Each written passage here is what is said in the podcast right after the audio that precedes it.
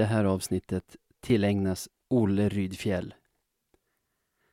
Tack för allt och vila i frid.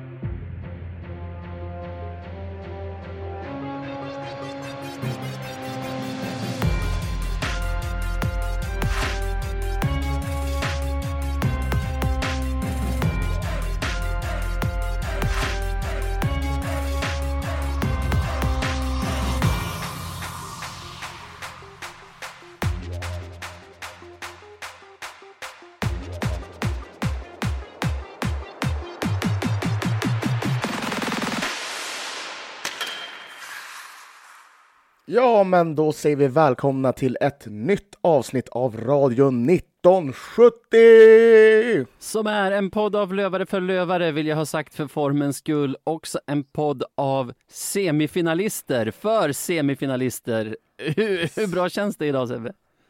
Eh, det känns jättebra, eh, gör det. det. Det är som att all, som att all sorg i världen har suddats ut för tillfället. Ja, I alla fall ända fram till nästa match så kommer jag nog känna så. ja, och lite som att man har gått och burit någonting tungt på sina axlar. Ja, vi kan väl ta Lövenoket då för att det passar i analogin.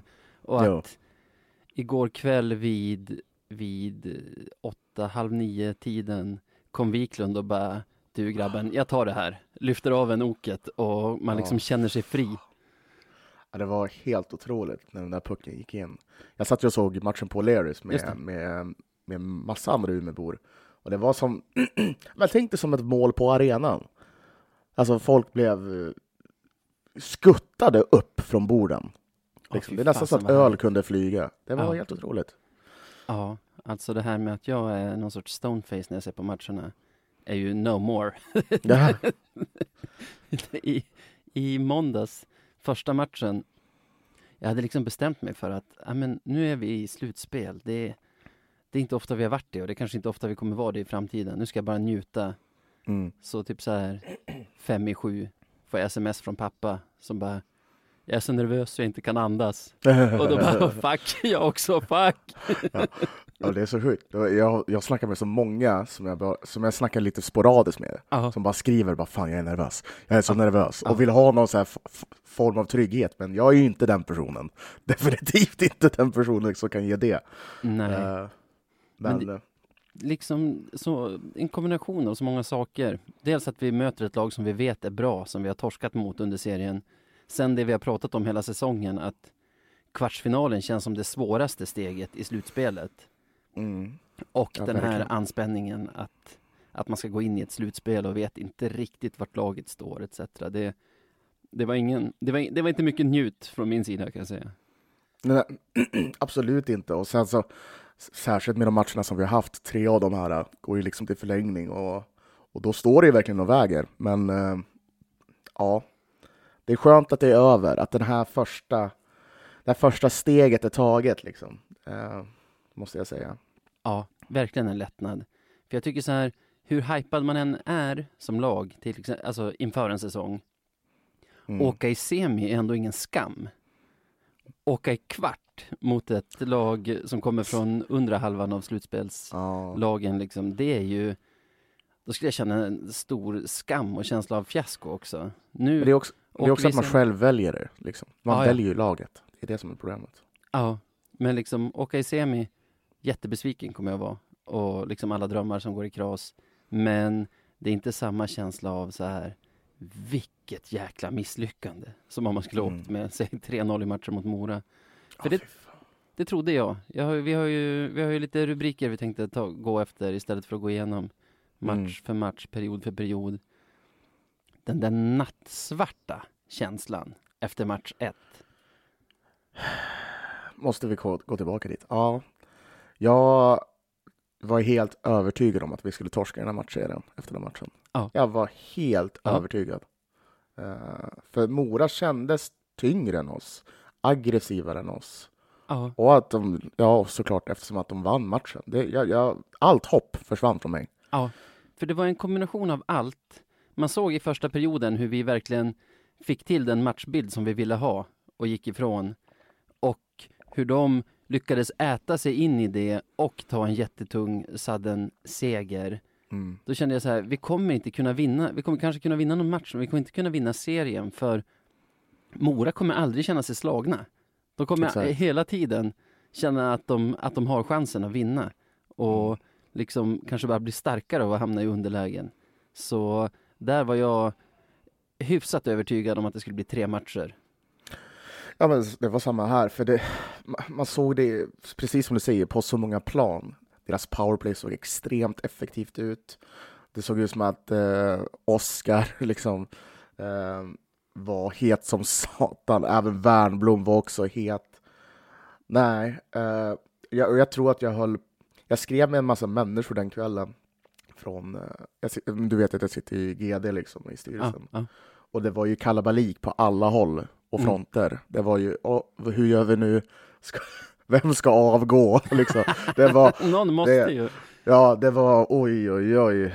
Så ja, det var skönt att det, att det blev annat. Var det. det var Ja, verkligen skönt. Ja. Eh, och ja, jag mässade också med folk och det var samma uppgivenhet överallt. Det kändes som att hela supporterskaran redan hade, var färdiga med sörjandet över att säsongen gick åt helvete till, Mm. till onsdagens match. Där mm. det, jag tycker vi vinner på exakt det sätt vi behöver vinna. Alltså vi tog inte bara en, en seger som, som de lätt kunde skaka av sig och liksom rida vidare på match ett känslan hemma i Mora, utan det är ju en, det är en match där, där vi för egentligen hela matchen och de helt plötsligt har ledningen efter typ halva matchen och inför tredje perioden Mm. och, och det är vi som får vara det laget som känner att vi kommer tillbaka i matchen och, och alltså är de ens över rödlinjen på hela tredje perioden? Jag vet inte. Nej, det, det, känns inte som det. Men jag, jag tror det där var verkligen ett... Eh, det där var ju då första gången man fick se dem trötta. Att det var nog lite av eh, Wallsons plan kanske, att ja, men rulla på fyra och bara mala ner dem. För, och det här har vi också pratat om, att vi är nog starkare i en matchserie, helst om det är en lång matchserie. Men eh, det visade sig rätt så tidigt här eftersom Hedberg körde på två linor eh, Ja. Ganska direkt i, i serien. Vad var grejen med det? Det har ju pratats mycket om det och det var ju samma folk inne hela tiden. Har de inte 20 spelare eller är det bara att de inte har 20 stycken som man tycker är tillräckligt bra för att matcha i, en, i ett slutspel? Eh, fan, jag, vill, jag vill ju säga att de har haft mycket skador, men jag, jag kan inte stå fast vid det. Eh, nej, men jag tror bara att han försökte matcha de bästa möjliga. Eh, Ja, Att det, var deras chans. så liksom. enkelt. Ja. Ja. Nej, det, det var verkligen... Ah, jag vet inte om vi hade kunnat vinna den här matchserien om inte den där matchen hade sett ut exakt så som den såg ut. Mm. Och särskilt en, en av våra rubriker i Wiklund, vi kan glida över på den genom att prata om den här matchen. Han tar ju ett slagsmål i, i förlängningen i match Mm. två. Och jag ska säga direkt, jag är inget stort fan av slagsmål i hockey. Lugna er där hemma. Ni, ni behöver inte brusa upp. Jag tycker bara inte att det, det, tillför inte speciellt mycket inom hockeyn att, att spelare ska hå- hålla på och slåss mellan varven. Jag gillar det som, vad ska man säga, ja, men, som bestraffning. Alltså att ha lite våldskapital i ett lag kan jag tycka är bra för, ja men till exempel att man inte vill att motståndaren ska köra in i ens målis utan att Mm. vara lite rädda för våra spelare. Men nu när det blev ett slagsmål där mellan Wiklund och en Mora-spelare så kände jag att det var viktigt, alltså det skickade någon sorts signal att Wiklund såg till att inte bara vinna fighten utan när han hade gjort det liksom börja sopa isen med den andra killen och Ja. och att det slutar med att han står liksom böjd över och säger säkert inte så jättesnälla saker tyckte jag sände signaler säkert både till hans bås och till Moras bås och till alla som tittar att Mm. Löven är det starkare laget. Att det blev någon sorts symbolik i det.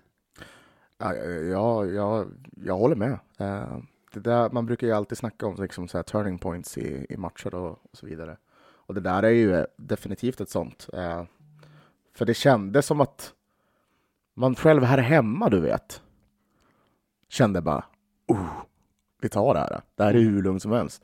Sen så går han ju ut och gör ett utspel efter det där som kanske i efterhand är jättesmart. Det, jag. kallar dem för fega och allt det där. Ah, ja, ja. Ja, och det fick väl... För, för, för Hedberg gick ut och svarade på det, minns du Ja. det? Ja, Så han blev ju... Måste ju ha blivit berörd av det där. ah, ja. jag tror det satte lite mentala, mentala, vad säger man? Det satte Ja. griller i huvudet, säger man inte det? Är det griller? Mentala griller i huvudet på dem. Jag det vet tror inte jag. vad griller är i det här sammanhanget. Det kan inte vara skridskor. Han satte inte skridskor i huvudet på dem. ja, nej men liksom så nej, det, jag tror det var jättetaktiskt gjort. Var det. Ja, ja jag trodde Även om det då- kanske var spontant, det vet man ju inte. Alltså det är ju direkt efter match, så det är ju säkert att han fortfarande är lite förbannad. Han är ju liksom en tjurig norrbottning, det är därför vi älskar honom. Men jag tänkte nog att det kanske var taktiskt för att om man tänker tillbaka på de matcher som har varit den här säsongen, de matcher som har blivit riktigt griniga från båda håll, Mm. det är matcher vi vinner. Alltså Södertälje i Vännäs, sista hemmamatchen mot Timrå, sista bortamatchen mot Karlskoga. Alltså Mm. när det blir grinigt och grisigt från båda håll, då brukar vi hitta ett sätt att vinna. Så det kan ha varit det han ville också. Skicka en signal till dem, att, här- eller att reta dem lite för att Mm. få det fortsatt den typen av matcher. Jag vet inte, men det, det funkade ju. Exakt, det funkar ju. Så hatten av, hatten av den. I efterhand känner jag nästan att det slagsmålet avgjorde hela slutspelsserien, om man får, vara, om man får ta till lite överdrifter. Hade, hade han fått stryk där, hade det varit en otrolig mental push för Mora. Ja, Och hade den pushen liksom gjort att de kunde komma in i den där matchen, som de faktiskt var helt utspelade i, och, Mm. och vinna i sadden. Då hade det varit 2-0 till dem och två matchbollar på hemmaplan. Ja, det hade inte gått. Åh nej, vad det inte hade gått alltså. Herregud. På tal om Ja. Wiklund, honom har vi Ja. pratat om hela säsongen som kungen när motståndarna har tagit ut målisen. Vad, vad hände i match tre här i slutminuterna? Ja du, ja du. Han kanske inte, är, han kanske inte förtjänar sin titel längre, eller vad, vad säger du? Nej, han är ju vår målkung fortfarande, men kanske inte empty net goal-kung. För det är väl, Mora tar ut målisen ganska tidigt i den match tre som vi leder med 5-3. Och vi får till en kontring, Wiklund får pucken långt ut till höger på offensiv blå. Han har ju så pass mycket tid att han skulle kunna finåka in i målet med pucken. Men han tar ju ett avslut från ganska högt upp i zonen som bara man ser ganska tidigt, för det är ju att han är i linje nästan med tv-kamerorna mot målet. Att så här, Ja. nej, nej, nej, nej, nej, nej, nej, det här går inte. Det här går inte. Wiklund alltså. Ja, spelvändning för dem, spelvändning för oss. Wiklund får pucken med öppet mål och drar den utanför. Och man bara nej! Nej, det går inte för han. Nu, nu är det slut på det. Ja, tur att han är så- bra på att göra mål Exakt. med målvakt i buren. Då. Jag tänkte precis säga det. det är ju på något sätt symptomatiskt att han får bli hjälte för hela kvartsfinalen med, jag tror sitt första mål i hela matchserien. Ja, hans första mål i hela matchserien Mm. kommer när det behövs som allra mest.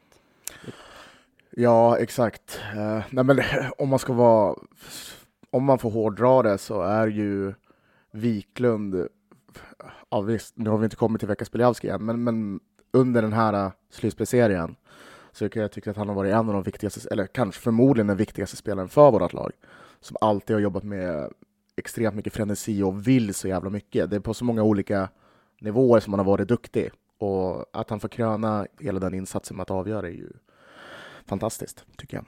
Ja, det är någonting med hans karaktär som gör att man känner att hade man varit tvungen, alltså pistol mot huvudet, säga vem som kommer att avgöra den där sudden death-förlängningen igår, Mm. hade man kanske sagt Wiklund, trots att han, jag tycker fram tills dess inte att han är topp fem i laget på, liksom, på den här veckan, men, men han, han har ju utvecklat någon sorts näsa för vart man ska vara och när och hur man vinner matcher och det. Så... Det är, det är någon sjuk utveckling på honom. Vi har pratat om det väldigt ofta, men, men att Ja. gå ifrån liksom brunkare till en extremt bra målskytt, alltså så här Ja, måltjuv nästan.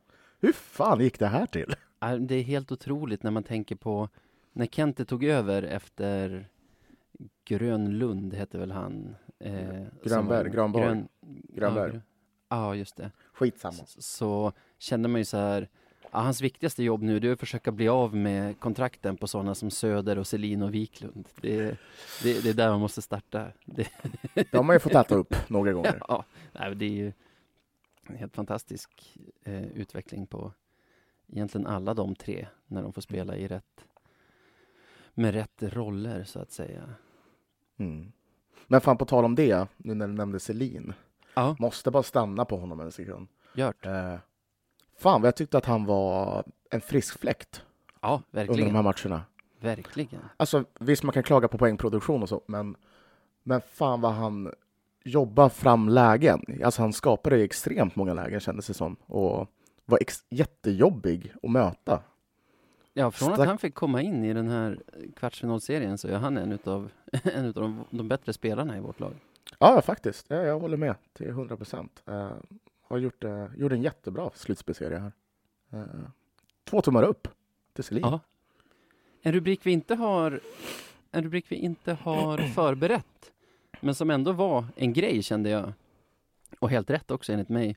Mellan match ett och match två så flyttas Perron från en utav våra eh, tyngre linor, alltså den Mm. med han, Otto och Brown, till att vara trettonde forward och till match tre upp på läktaren.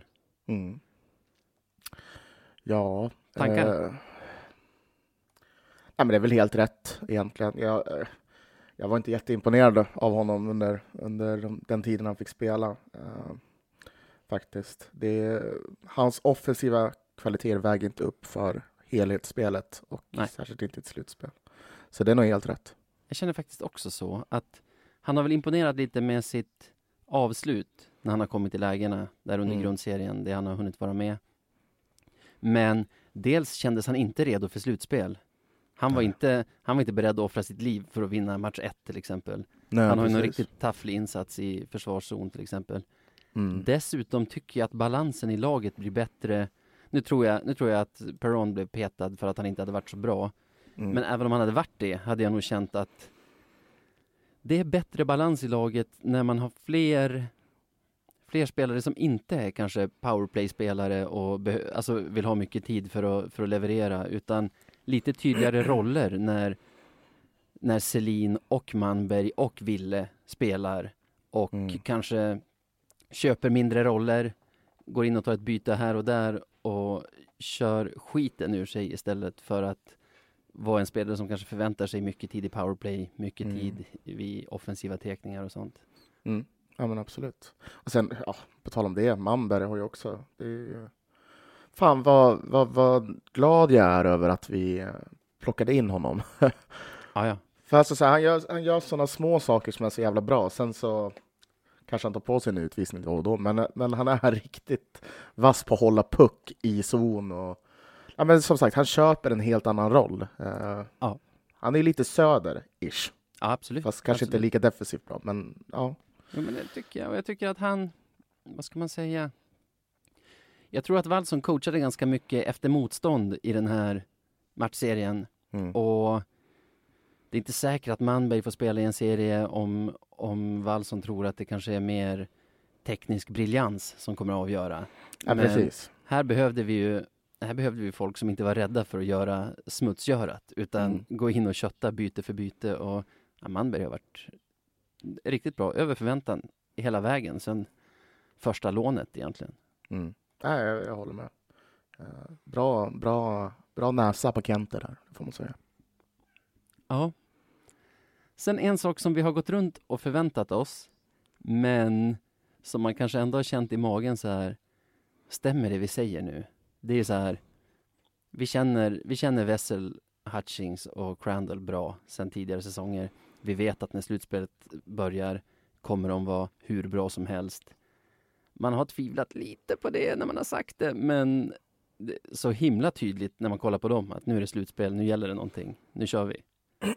Ja, uh, ja, ja, alltså det enda som jag har på det som, som säger, säger emot det, det är typ första matchen då jag tyckte att, att i och för sig alla var inte under isen, men jag tyckte Crandall var lite under isen då. Uh, men uh, fan, de, eh, de verkar ta det här seriöst. Man är, man är alltid lite orolig när det är folk från andra ligor som inte riktigt kanske men du vet, brinner för, för, för Ja. föreningen, så Ja. som andra spelare kan göra. Eh, men eh, nej, det är över förväntan såklart. Så jag är väldigt positiv och överraskad. Får fortsätta att de håller upp det här nu. Jag tror det ger någonting att vi ändå har jobbat med någon sorts kontinuitet i lagbygget. Om man säger, jag inbillar mig inte att våra transor liksom bryr sig eller att, att de inte känner att deras liv hänger på om Löven eh, går bra eller inte på det sätt som vi supportrar gör.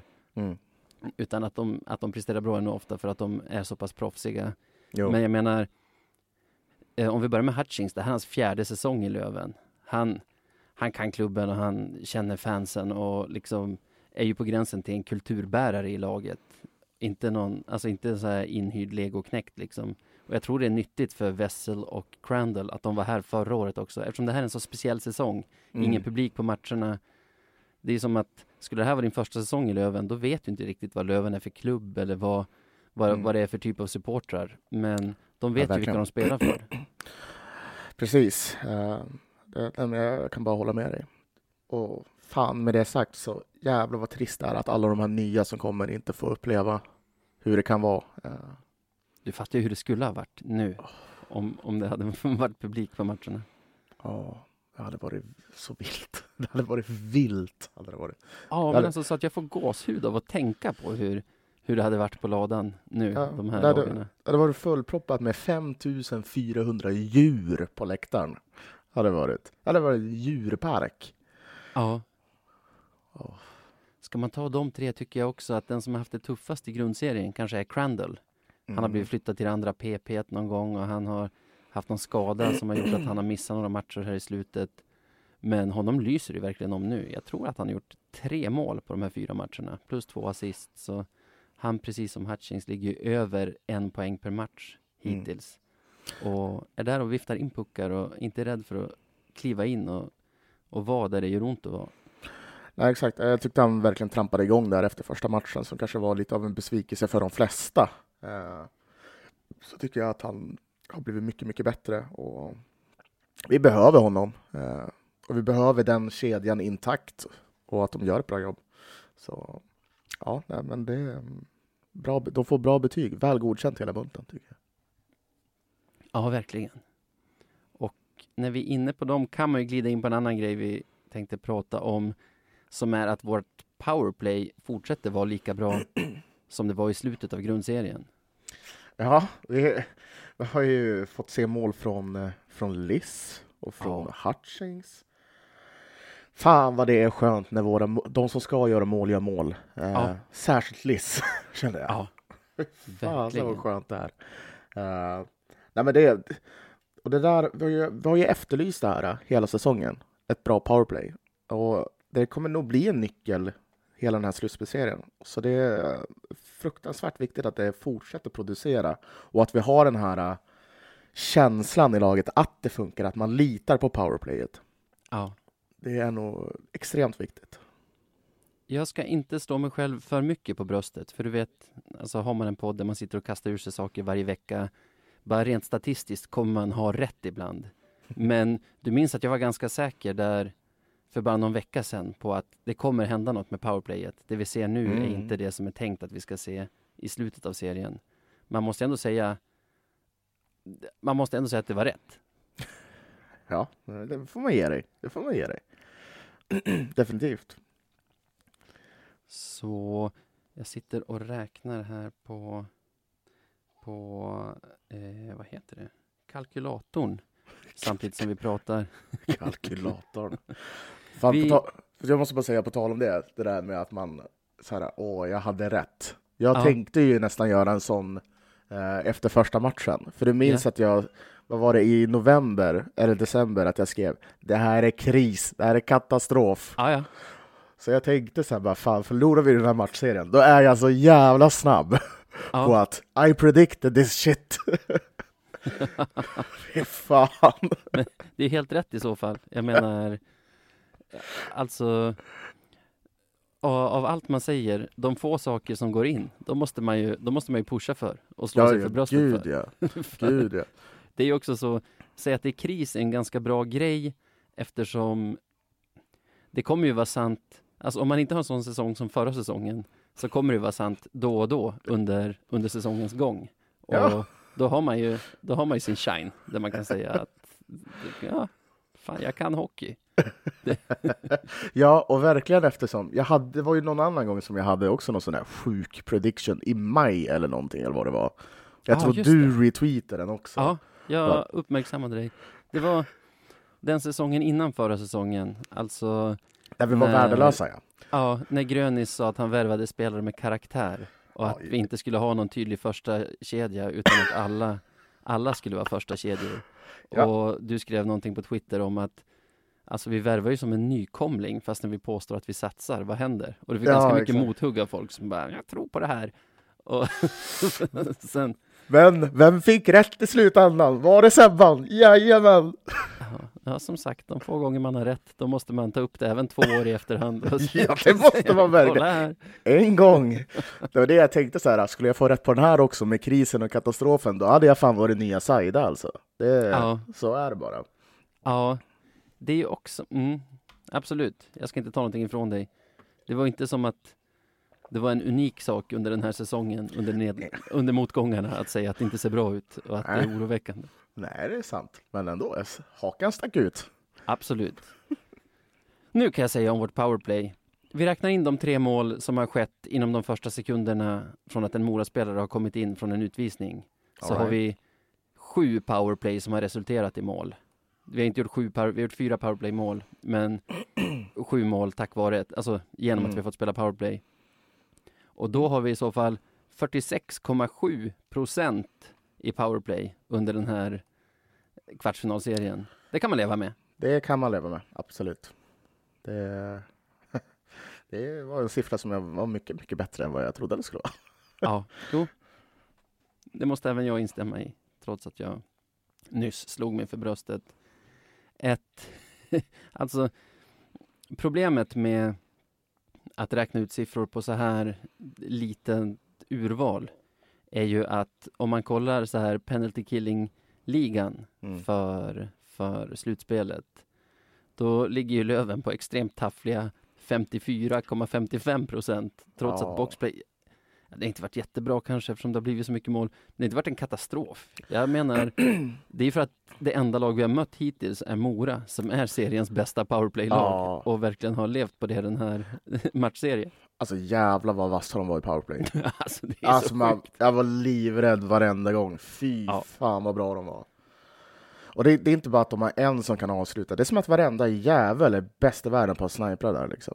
Ja, Fy men jag tycker fan. att deras powerplay, eller deras offensiv också, även i fem mot fem ibland, det är lite som när man spelar NHL, tv-spelet, och har på så rålätt eh, svårighetsgrad, så, förlåt Mm. nu slog jag till micken, att man har på sån lätt svårighetsgrad så alla passningar blir liksom målsökande och du kan Ja. slänga iväg en stenhård passning och ändå få till ett, ett direktskott. För vi har ju några powerplay-mål, det som är, jag tror deras 2-2 i match två, Mm. nu fick jag en sån numerisk tvångstanke. Men det som är 2-2 i match 2 är 2, ju 2, 2, 2, 2, 2. att en kille bara glider upp i Gre- Gretzky-position, hittar en passningsbana nästan parallellt med mållinjen till någon som bara kommer flygande från ingenstans och smäller dit den. Ska inte gå. Nej, det ska inte gå. Nej, men det, alltså, så här, det, det man kan säga, alltså, så här, Mora var ett väldigt, väldigt, väldigt, väldigt vasst motstånd offensivt. Uh, Verkligen. fan, de ska, det är en hatten av för Mora. Alltså, jag, De har inget Wow. att skämmas över med nej, gud. Eller de ska skämmas över Wernbloms filmning igår, men i, i övrigt tycker jag att de inte har någonting att skämmas över, utan tvärtom kan gå Ja. med huvudet högt efter den här matchserien. Definitivt. Definitivt. När vi pratar deras offensiv så passar det tycker jag att vi pratar om Paulin, som jag har känt lite av ett frågetecken på under den här serien. Mm. Jag tycker inte att han har varit där man förväntar sig. Vi har, ju- vi har ju den här eh, incidenten kan man väl kalla det. Du vet när pucken, jag tror det var första matchen, när pucken glider in till vår zon och han avvaktar och väljer att inte gå ut på den.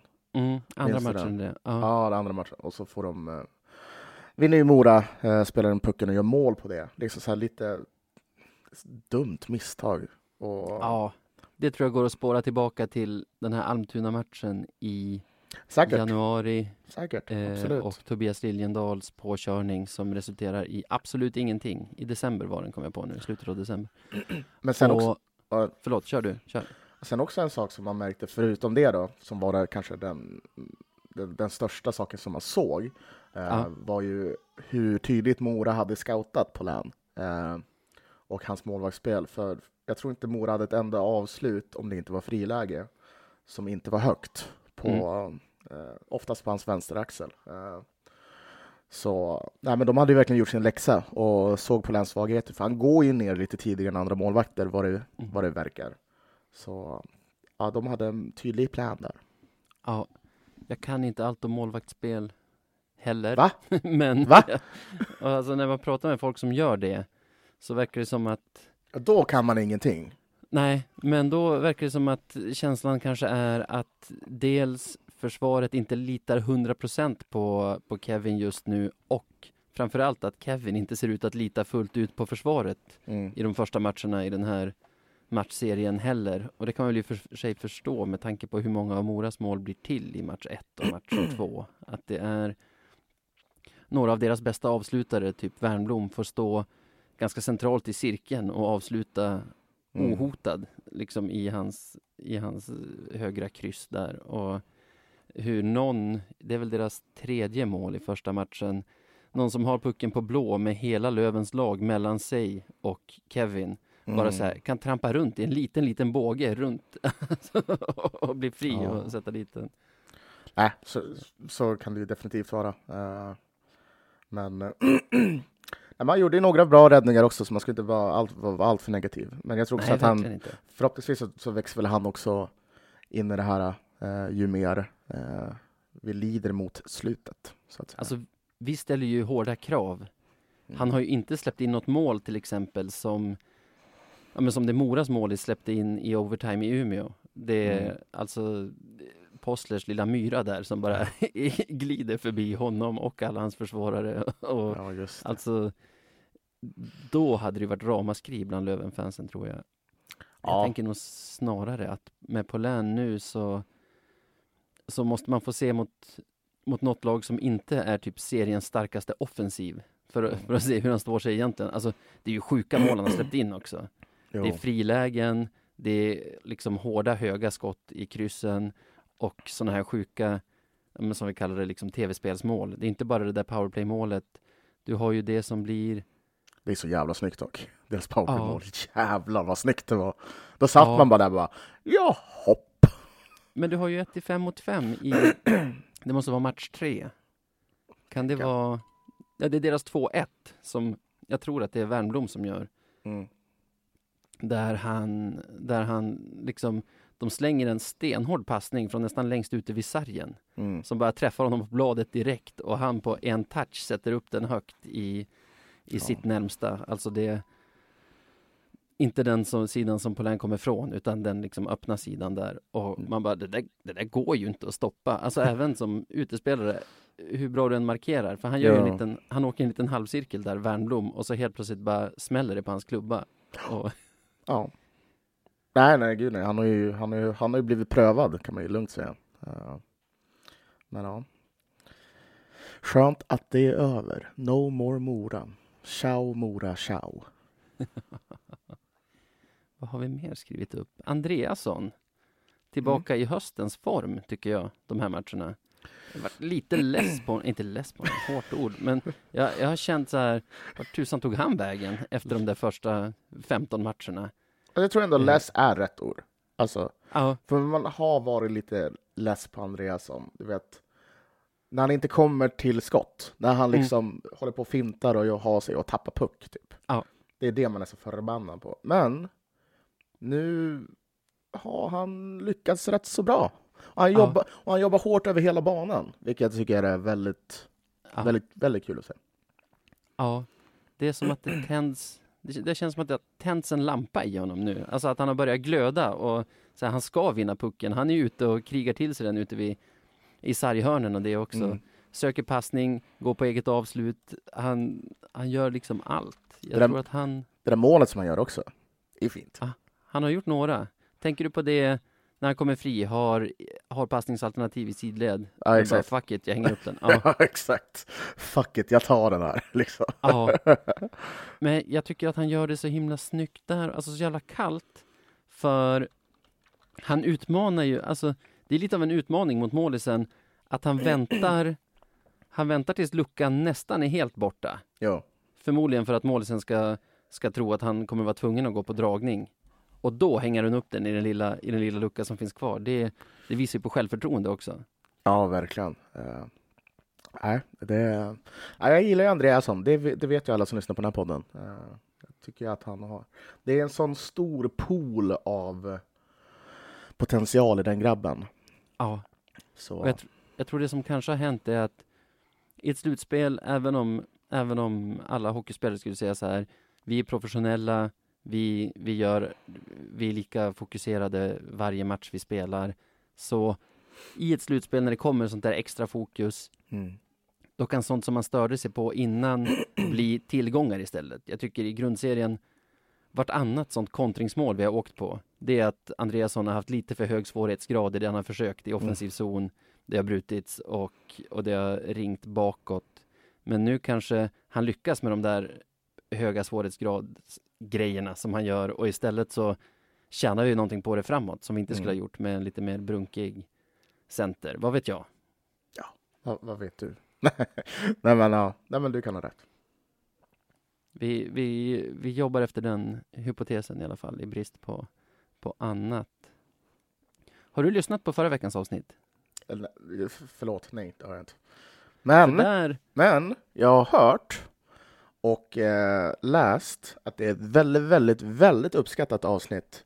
Mycket på grund av eh, ditt tal till nationen, tal till alla lövare. Just det. Just och jag har också sett en video med ditt tal gjord av en av våra lyssnare som jag just inte just nu kommer ihåg namnet på. Men, Nej, stämmer. men eh, det var en väldigt fin video. För där kom jag med en sjuk gissning, att, eller magkänsla, mm -hmm. att Wallson kanske kommer att sätta Hellström som sjunde och sätta Kalle Johansson och Norbe på läktaren istället. Mm. För att ja, men han verkar uppskatta Hellström, bla bla bla. Den som vill höra kan lyssna på förra avsnittet. Och det stämde ju och i match, vad var det? Tre visar ju Wallson att han har Hellström före Belov också. Mm. Det var ju Belov upp på läktaren en match när Kalle Johansson fick komma in. Och det säger ju någonting om Hellström, för om man kollar på Norrbe, Kalle Johansson och Belov så tänker man väl på de tre som lite vassare hockeybackar egentligen. Ja, det gör man. Um, uh, nu är ju alla nästan olika tänkte jag säga. Nej, men både Kalle och Norrbe är ju offensiva, spelskickliga backar. Uh, medan Belov och Hellström är lite mer lika varandra. Uh, nej, men jag blev förvånad eftersom jag, jag hade inte lyssnat på avsnittet så jag visste inte nej. att uh, du kom med den att här det skulle bli så. nej, exakt. Uh, för, för ja, jag ratear ju Belov högre än Hellström, men det Belov saknar är ju Hellströms Uh, inte ska, pondus är väl fel ord, men Hellström har en viss uh, karisma. Ja, exakt. Uh, och, och förstår nog lite bättre hur man är i en sån här situation i den här föreningen, i det här laget. Så jag, jag, jag kan fatta det, absolut. Men eh, sen så tycker jag däremot att Belos kanske ska spela för att han är extremt bra i, i boxplay och, och, och i spelet. Så, men, eh, men jag förstår varför han gjorde det, absolut. Jag tror att alla våra backar kommer att ha spelat innan det här slutspelet är slut. Jag ser det som en stor styrka att vi, att vi har så många bra spelare att tillgå. Ja, gud ja. Jag tror till och med Wallson fick väl någon fråga sådär om det var någon som var på, på läktaren och så vidare. Och han sa bara nej, men alla har köpt det här. Det, det är så här vi kommer rulla. Eh, liksom, även om man spelar noll minuter eller om man spelar en hel match. Så nej, jag, jag känner mig extremt trygg i det också. Och det, vi kommer alltid tillbaka till det här att det här är våran bredd våran bredd, det här är vad som gör oss livsfarliga i matchserier, tror jag. Eh, vi, vi behöver inte vara oroliga för skador på samma sätt eller för att folk ska vara trötta. För vi har, vi har extremt bra spelare som kan backa upp. Ja, och då kan vi ramla in på det vi har skrivit. Jag har skrivit Wallsons coachseger mot Hedberg. Mm. Det är, nu har vi suttit och pratat om hur rätt vi har haft i olika saker tidigare här. Här jag ska inte säga att det tar emot att mm. säga att vi har haft fel, för jag är väldigt glad. Men vi har ju hackat en del på Wallson och tyckt att spelsystemet finns inte där. Vi... vi kan inte, alltså vi har ingen tydlig gameplan i våra matcher. Det är Mm. ingen som riktigt fattar hur Löven vill spela. I den här matchserien har vi haft en väldigt tydlig gameplan hur vi vill att matcherna ska fortgå. Mora med årets tränare, eller vad han blev utsedd till, Hedberg, Mm. har haft en tydlig bild av hur de vill att matchbilden ska se ut. Mm. Och när jag räknar ihop det får jag det till att i alla fall nio av tolv spelade perioder så är det våran matchbild som har gällt och som har varit den som den som, den som det blir på isen. Mm. Så jag får bara ta av mig min lilla Norrlandmössa som jag har på mig, som du ser, för Wallson och säga eh, Well done! Ja, ja men cred till den som cred ska ha. Eh, absolut. Eh, jag känner mig också väldigt, inte träffad, men jag har ju också hackat extremt mycket på Wallson. Ah, ja, det tror jag, vi är inte de enda Löven-fansen som gjort det heller under säsongen och jag menar, har man ett av de, en av de bästa trupperna, trupperna men är avhängda från seriesegern typ vid jul redan Mm. och inte ser något tydligt spelsystem.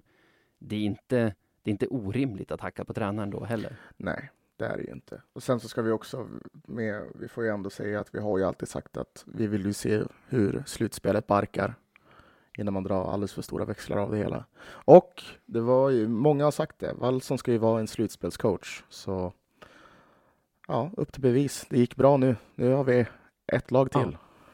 För det är också det här, när man själv hade gett upp den här serien efter 1-0 till Mora i matcher Mm. så såg Wallson så himla lugn ut och pratade om att jo men vi har en större bredd i vårt lag så ju längre det här går så, så kommer vi ta över och bli det dominanta laget. Och Mm. jag såg vissa på sociala medier så raljera lite över det. Men skickligt gjort att se det i förväg. Han verkar ju ha implementerat det i truppen också för Wiklund sa ju någonting liknande kort efter i en intervju. Så att ha förberett truppen på att Mora har ett bra lag när alla är pigga, men var lugna, vi kommer, vi kommer vinna i längden. Det, Mm. Ja. det är bra gjort.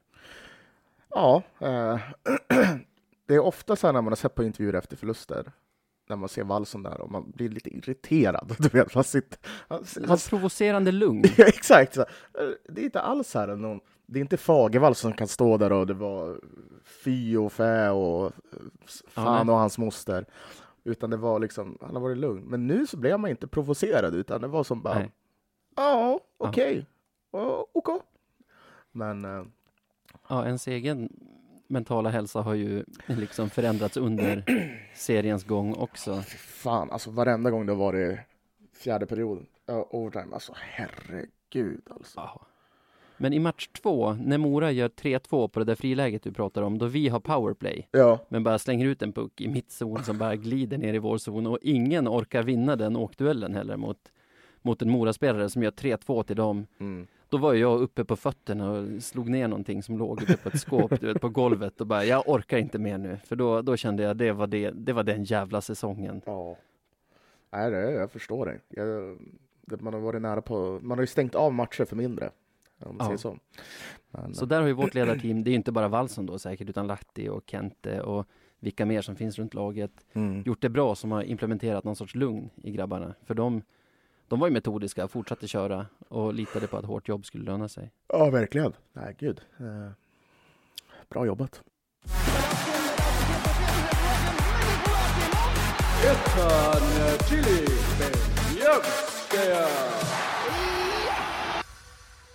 Det bästa jag tycker sen vi började köra live on tape så här, det är ju att få sittdansa till alla vignetter vi spelar, särskilt till den här. Ja, det här är en av de, det här är en av de bättre. Alla är bra tycker jag, men det här är, det är lite av en favorit måste jag säga. Ja, ja, ja, det är en, det är en tempohöjare. Ja, definitivt. Veckans Beljavski, segmentet där vi utser veckans bästa Lövenspelare. Vad har du Sebbe? Eh, oj, den är så svår den här. Jag har tänkt lite på det. Och Länge sedan man hade så många kandidater. ja, exakt. Jag har tre som jag skulle vilja ge, inte bara nomineringen, utan priset. Oj, jävlar. Eh, Okej. Eh, Med bubblare. med, med bubblare. Plus bubblare menar jag. Jesus. Nej, men jag, jag kommer vara... Jag sa det tidigare och jag vet att du inte höll med mig. Men jag tycker eh, att Wiklund har varit... Jag, jag tycker att han har varit extremt bra under den här slutspelserien och det som sagt, han har bara, kanske bara gjort ett mål, men det är sättet han agerar på på isen som jag är eh, extremt nöjd över och jag förväntade mig inte mer eller mindre från honom. Nej, nej men det är väl bra och jag menar är man den som skjuter Löven till en semifinal så är det väl aldrig orimligt i alla fall att bli att bli nominerad till veckans Marklund. Jag kan berätta vilka tre jag har slitits mellan bara så att alla får någon sorts någon sorts erkännande. Det är ju dels Alex Hutchings som vi har gått och väntat på. Han som vanligt varit skitbra under hösten, lite sämre under våren. Mm. Två plus tre nu i den här serien. Två enormt viktiga mål, bland annat det första målet i match två i powerplay där Wiklund gör ett föredömligt jobb framför med att, med att skymma. Mm. Och sen ett ruggigt snyggt i match fyra, powerplay-mål det också, när han klipper till på med ett direktskott som sitter högt i första. Sen har jag Crandall som jag pratat om. Jag har egentligen gett nomineringen redan tidigare. Han, mm. han har klivit fram jättebra i den här matchserien och visat varför vi värvade honom en gång och varför han är en viktig spelare för vårt lag. Sen har jag också Pontus Andreasson som har jag väl också gett nomineringen på tidigare. Mm. Alltså, han är sådär Alltså under, under säsong har jag ibland suttit och tänkt så här hyllade vi honom lite för mycket där i höstas? Alltså, har han alltid lådan för att vara en dominerande spelare på den här nivån? Men det tycker jag han har varit den här kvartsfinalserien också. Och han har ju lite av den här otacksamma rollen. Hans kedja har ju hela tiden känts lite som slasken. Mm. Alltså, man har byggt, man har byggt kaptenskedjan antingen intakt eller med, med Liss eller någon istället för Selin. Man har transorna man har den, alltså Ottosson Brown med mm. någon till. Och sen har Andreasson lite fått ta de som har varit över. Lite så. Eh, men han, han bär ju en kedja själv nu när han är så bra som han är. Mm. Han har spelat med olika spelare tror jag i, nu under slutspelet också. Alltså han har ju haft Possler och Liss och Ville och Manberg och säkert någon fler i sin, i sin lina under, ja, under en fyra matcher lång serie. Ingen lugn och ro för honom inte. Nej, hållit en hög och jämn nivå. Jag undrar vem av de här tre jag ska ta. Hutchings är ju lite som Wessel. När jag tänker tillbaka på säsongen, jag kan inte minnas så många gånger Wessel har varit nominerad eller fått priset, veckans Beljavski, trots att han har varit våran bästa spelare tycker jag, kanske tillsammans med Palmqvist. Ja. Palmqvist har inte heller fått några många nomineringar eller Har han fått en enda ens? Nej, jag vet inte. Och det är bara för att man förväntar sig att de ska vara så bra som de är. Ja. Medan när någon annan kommer upp och har en formtopp, då ser man det direkt och plockar den. Ja. Jag skulle inte skämmas över att nominera List den här veckan heller, som Oj. har blivit det vi, alltså slutligen blivit det vi faktiskt förväntade oss av honom när vi, när vi kastade in en massa pengar på den här insamlingen för att ja, säkra honom. Men jag måste välja någon av de här. Det måste du. Jag tror att jag nominerar eh, Hutchins, Crandall, Andreasson. Jag tror att jag tar uh, Crandall. Tar jag. Du tar Justin Crandall.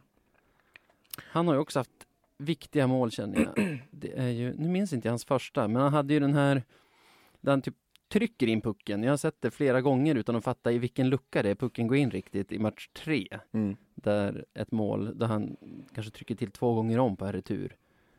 Och så har han ju det här igår när pucken, ja men det som de ringde en massa gånger på som gjorde att man blev sjukt nervös faktiskt fastän det inte fanns något på repriserna som man förstod riktigt vad de ringde på. Ja.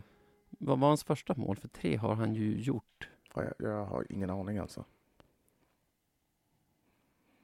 Fan, nu kommer jag att tänka på Hutchings assist i match två, kvitteringen som Wessel gör. Det är nästan fetare än hans mål. Ska du byta spelare nu eller? Ska du byta nominering mm. nu eller? Jag vill prata lite om den i alla fall. Okej, okay, det får du, det får han, han tvingas ju fiska upp pucken ganska långt ut på sin backhand, där man är som svagast med klubban. Och han har ju liksom ryggen in mot mål. Mm. Men han och Wessels kemi gör som att han bara vet att Wessel kommer att stå parkerad där just vid, vid målgårdskanten mm. framför mål. Så han bara drar in den, alltså gräver fram en assist till öppet mål för Wessel. Fasen, jag kanske valde fel. Eller nej. Jag nominerar Alex Hutchings, gör jag. Det blir så. Det blir så. Ja, Alex Hutchings är min nominerade. Jag tyckte han var, när vi pratade om att transorna inte var så jättebra i första matchen, Mm. han var en utav dem som jag kände så här vilket jävla sänke, eller vilka jävla sänken han och Crandall är för Vessel som verkligen vill någonting. Ja. Och, och de bara åker vatten, alltså håller tillbaka honom liksom. För, Men, för det var verkligen så den matchen. Det, Ja. det Ja. var bara Wessel som hade fattat att det var slutspel typ. Kändes det Ja. som. ja, Men, ja.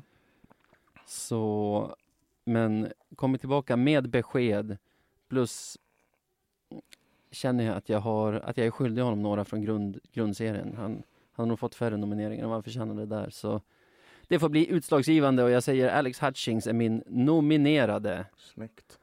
Ehm, vet du vad? Eh, du kan få den här. Ja, vad skönt. Och jag och enkomt för att hans mål har varit så viktiga. För det är powerplay-mål. Och visst, Wiklunds mål kan man ju diskutera att det är det viktigaste, men, Ja. men vi behöver honom i powerplay och jag tycker han har varit briljant i den spelformen, så absolut. Ja. Jag tycker han visar, vi diskuterade ju senast det var du och jag så var ju Lars Lindberg med. Mm. Då diskuterade vi ju Hutchings direktskott, hur, hur bra det är egentligen. Och hur löst det ser ut att vara. Men jag tänkte på, något jag inte tänkte på då, tänkte jag på när han gjorde sitt första mål. Alltså det där Wiklund skymmer och den tar på någon back och så. Ja. Att om man jämför till exempel Hutchings och Liss som avslutare, Mm. vilket är, ligger nära till hands eftersom de står i typ samma position i powerplay och är högerfattade båda två. Mm. Så är ju Liss kanske bäst i världen. Överdrift, men när det kommer till så här Motståndarna har inte hunnit komma ut i skymning ännu och han har lite tid på sig att knäppa iväg. Mm. Då, ingen spelare jag sett i Löven i alla fall, inklusive Sasha, har den liksom hårdheten och precisionen som, som Liss har. Liz. Hutchings, ja, säg. Nej, nej, jag, jag, jag måste bara hålla med dig. Alltså, Liz Scott är out of this world egentligen. Liksom får han sikta in sig och ha den tiden, precis som du säger. Jag vet inte hur, vilken målis plockar det. Nej, Alltså man ser inte ens pucken. Hutchins, det, där ser man mycket väl pucken, men det är extremt pricksäkert däremot. ja. Det är nästan som man skulle vilja se ett så här eh, tävling i så här skottprecision, hårdhet Ja. mellan honom och du vet sådana eh, Alex Ovechkin. Chris Alltså- Pronger var väl asbra på det också. Medans, förlåt, skulle jag komma till Hutchings.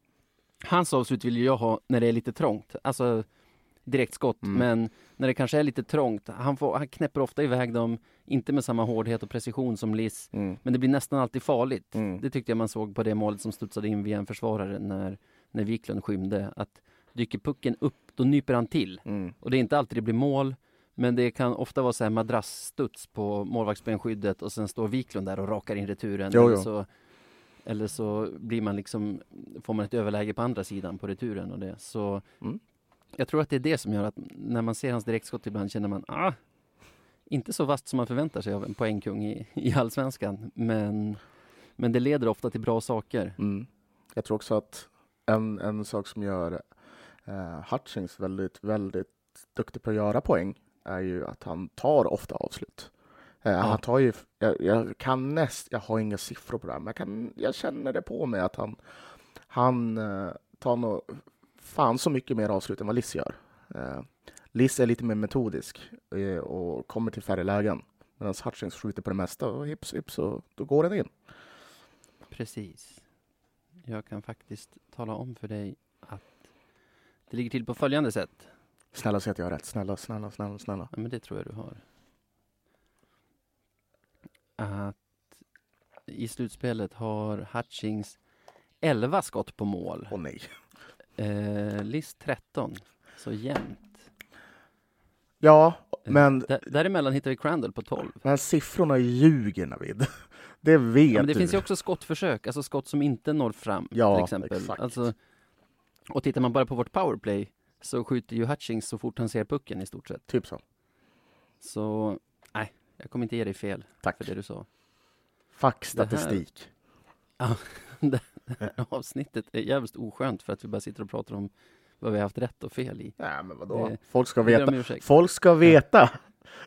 Jag Hockeyexperter som är ska lite mer titulera oss. ödmjukslagd så ber om ursäkt.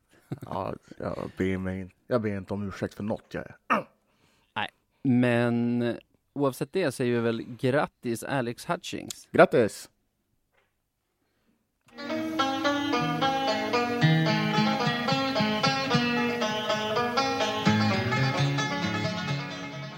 Veckans Marklund. Och den där melodin känner ju alla igen. Det är Navids favoritsegment. Och, Det är ju det. Och, ja, jag tycker ju också om det här segmentet. Får man klanka ner lite grann på någon, eller något. Ja, vi ska alltså utse veckans mest klandervärda. Det här är ju, alltså så här, det här är ju väldigt, vi har ju en solklar redan, liksom, såklart. Du vet, Ja. du vet vad jag tänker på. Du tänker nog, gissar jag, på Wernbloom Såklart. och hans filmning. Ja. Ja. Men eh, jag har valt att inte ta det. I alla fall. Nej, Eh, och jag vet inte om det här är klandervärt, men det, det här är lite mer av en observation som jag har gjort. Som jag tycker är annorlunda. Jag vet inte riktigt vad jag tycker om det. Men du följer ju naturligtvis Björklöven på Instagram. ja, Eh, och jag menar, Björklöven på Instagram har alltid varit ganska straightforward. Eh, match, vinst, målskyttar, typ så. ja. Ganska enkelt. Men nu har de börjat med lite mer dramatisk beskrivning av spelarlivet. Ah, ja, jag har sett något sånt. Jag måste erkänna att jag har knappt tid. Alltså, det jag är på Insta och sånt, det är typ för att lägga upp grejer själv. Alltså, Ja, på okej. eget konto eller på podden. Så, så. Men ja, nej, men det här har jag, det här har jag uppfattat. Yes. Ska, jag, jag tänkte på, jag ska läsa eh, eh, ett litet inlägg här Ja. som är skrivet. Och jag, jag, det, det, det är vad det är. Björklöven lägger ut en bild. Det är flera olika bilder. Mm. Men det står så här. Vad händer en lördag i Mora? Två tävlar i sjukt svåra quiz på mobilen. Nordamerikanerna spelar kort. Andra badar i hotellpoolen medan sjukgymnasten återhämtar sina utarbetade underarmar och händer i jacuzzin. Väldigt beskrivande och du vet, Mm. ooh, så här funkar Ja. det. Ja, men, jaha, jag, jag gillar det jag hör. Jag, jag inväntar det klandervärda här. Nej, men jag, jag, som sagt, här är en till. Mm. Bild, bildspel också. Förberedelserna inför match startar med morgonvärmning. Det lyser i ögonen på spelarna. Ja, ja, Okej, jag ser på dig just nu att du är inte är lika såld som jag. För jag tycker inte att det här är klandervärt, men jag är väldigt förvånad. Och därför, jag, är så, jag är inte van med att det ska vara så här. Det är någonting har hänt. Du vet, det är som när Aha. hela ens världsbild blir, blir rubbad. Typ som om tidningar var svartvita. Tänk dig Ja. en dag, oj, färg. Nej. Eller, du, öpp, Klandervärt skrek du då. nej, men du öppnar Aftonbladet och Sportbladet är blått. Va? Det går inte. Ja, Det ska vara rosa. Det har det alltid Ja. varit.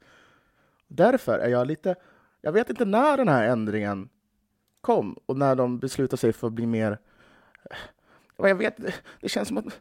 Det känns konstigt.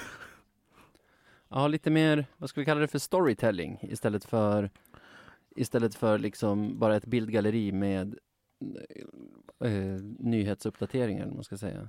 Ja, men exakt. Och, och den här... Jag måste bara... En sista då. Bara för Kör. att du ska få, få, få lite mer feeling över det. Eh, bild på Wessel. Eh, knappt två timmar kvar till nedsläpp. Spelarna och Simon Hockey har kommit till arenan. Skridskorna slipas och Björklövens puckar är staplade.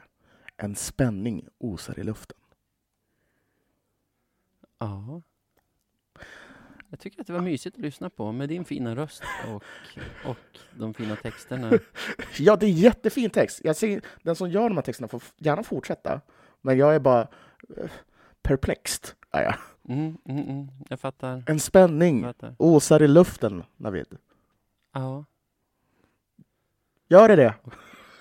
ja, det gjorde de det hos mig två timmar innan match i den här matchserien. Jag vet att det här är luddigt, men jag, jag känner bara jag vill inte gå på Varnblom-kortet, utan det, någonting annat måste det bli. Och det är, Aha. är nog, det är inte... Ja, men det är bra. Vi behöver nominerade. Det är, vi är, all- alltså det, det är sällan bra nomineringar, så bra, bra hittat av dig. Men- Och som sagt, jag är inte, jag är inte arg. Jag tycker inte att Nej, det är du- nödvändigtvis dåligt, det är bara Det, det är konstigt. förändringen. Ja, för Ja. jag gillar inte förändringar. Jag är en gubbe. Nej. Ja, det är ju, jag tänkte just säga, det är en bra nominering för någon som faktiskt är världens gubbigaste 28-åring. Så Ja. jag, jag har inga problem med den nomineringen. Men visst gör vi så nu att jag nominerar Wernbloom och så vinner han? Ja, naturligtvis. Naturligtvis. alltså jag och förnamn Lukas Wernbloom. Stort grattis! Ja, grattis Lukas Wernbloom.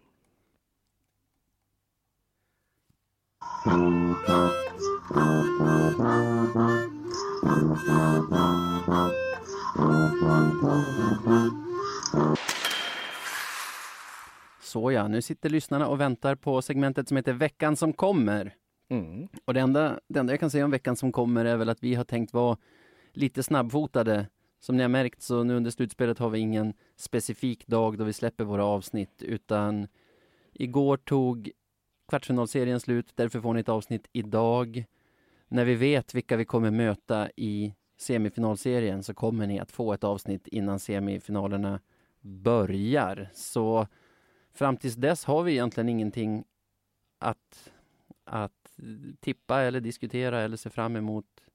Vad, har, har du något du vill tillägga på, den här, på det här avsnittet Sebbe? Alltså, det enda som, som vi inte har pratat om, det är väl de andra matcherna, men vi vet ju redan nu idag att Timrå har gått vidare. Eh, har slagit ut AIK. AIK som kämpade in i det sista var verkligen en tuff nöt för Timrå att knäcka.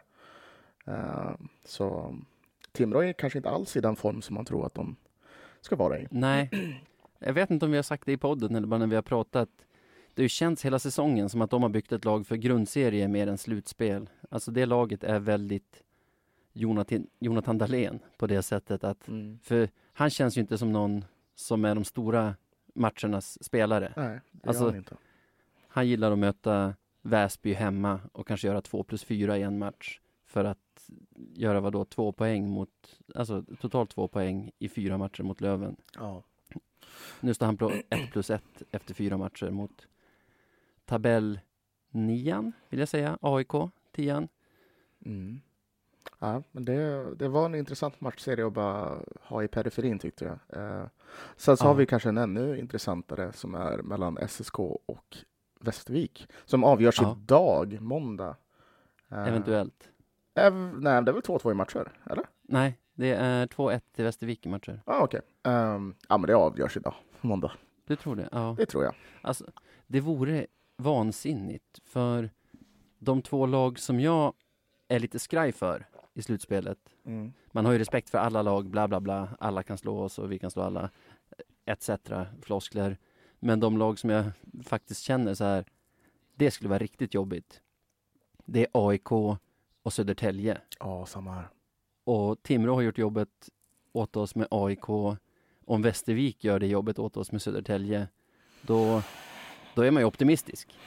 Ja, då är det bara BIK Karlskoga eller Västerås som kan sätta käpp... Ah, alla kan ju sätta käppar i hjulet, men ja, du förstår vad jag menar. Timrå kan ju också det såklart. De är ett jättebra lag. Men om det skulle vara så att Västervik slår ut Tälje, då har vi av de tre lag som är kvar förutom oss, Västervik som vi har vunnit fyra av fyra mot, Mm.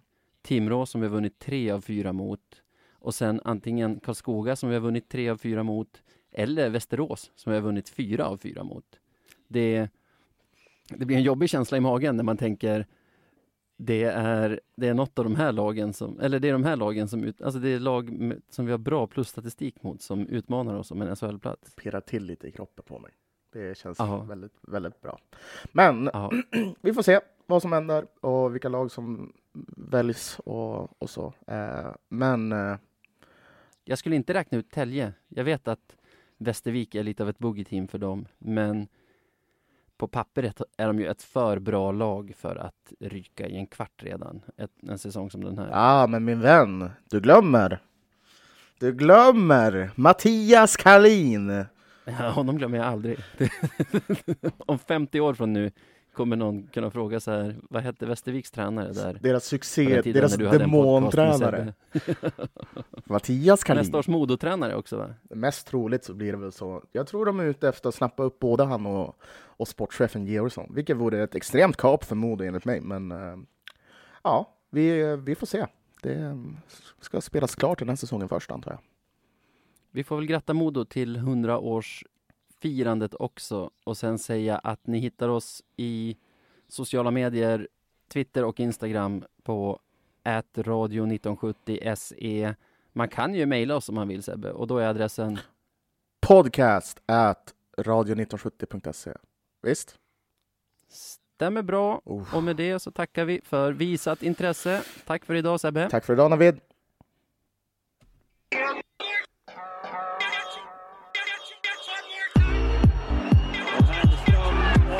Arsenal's Demand.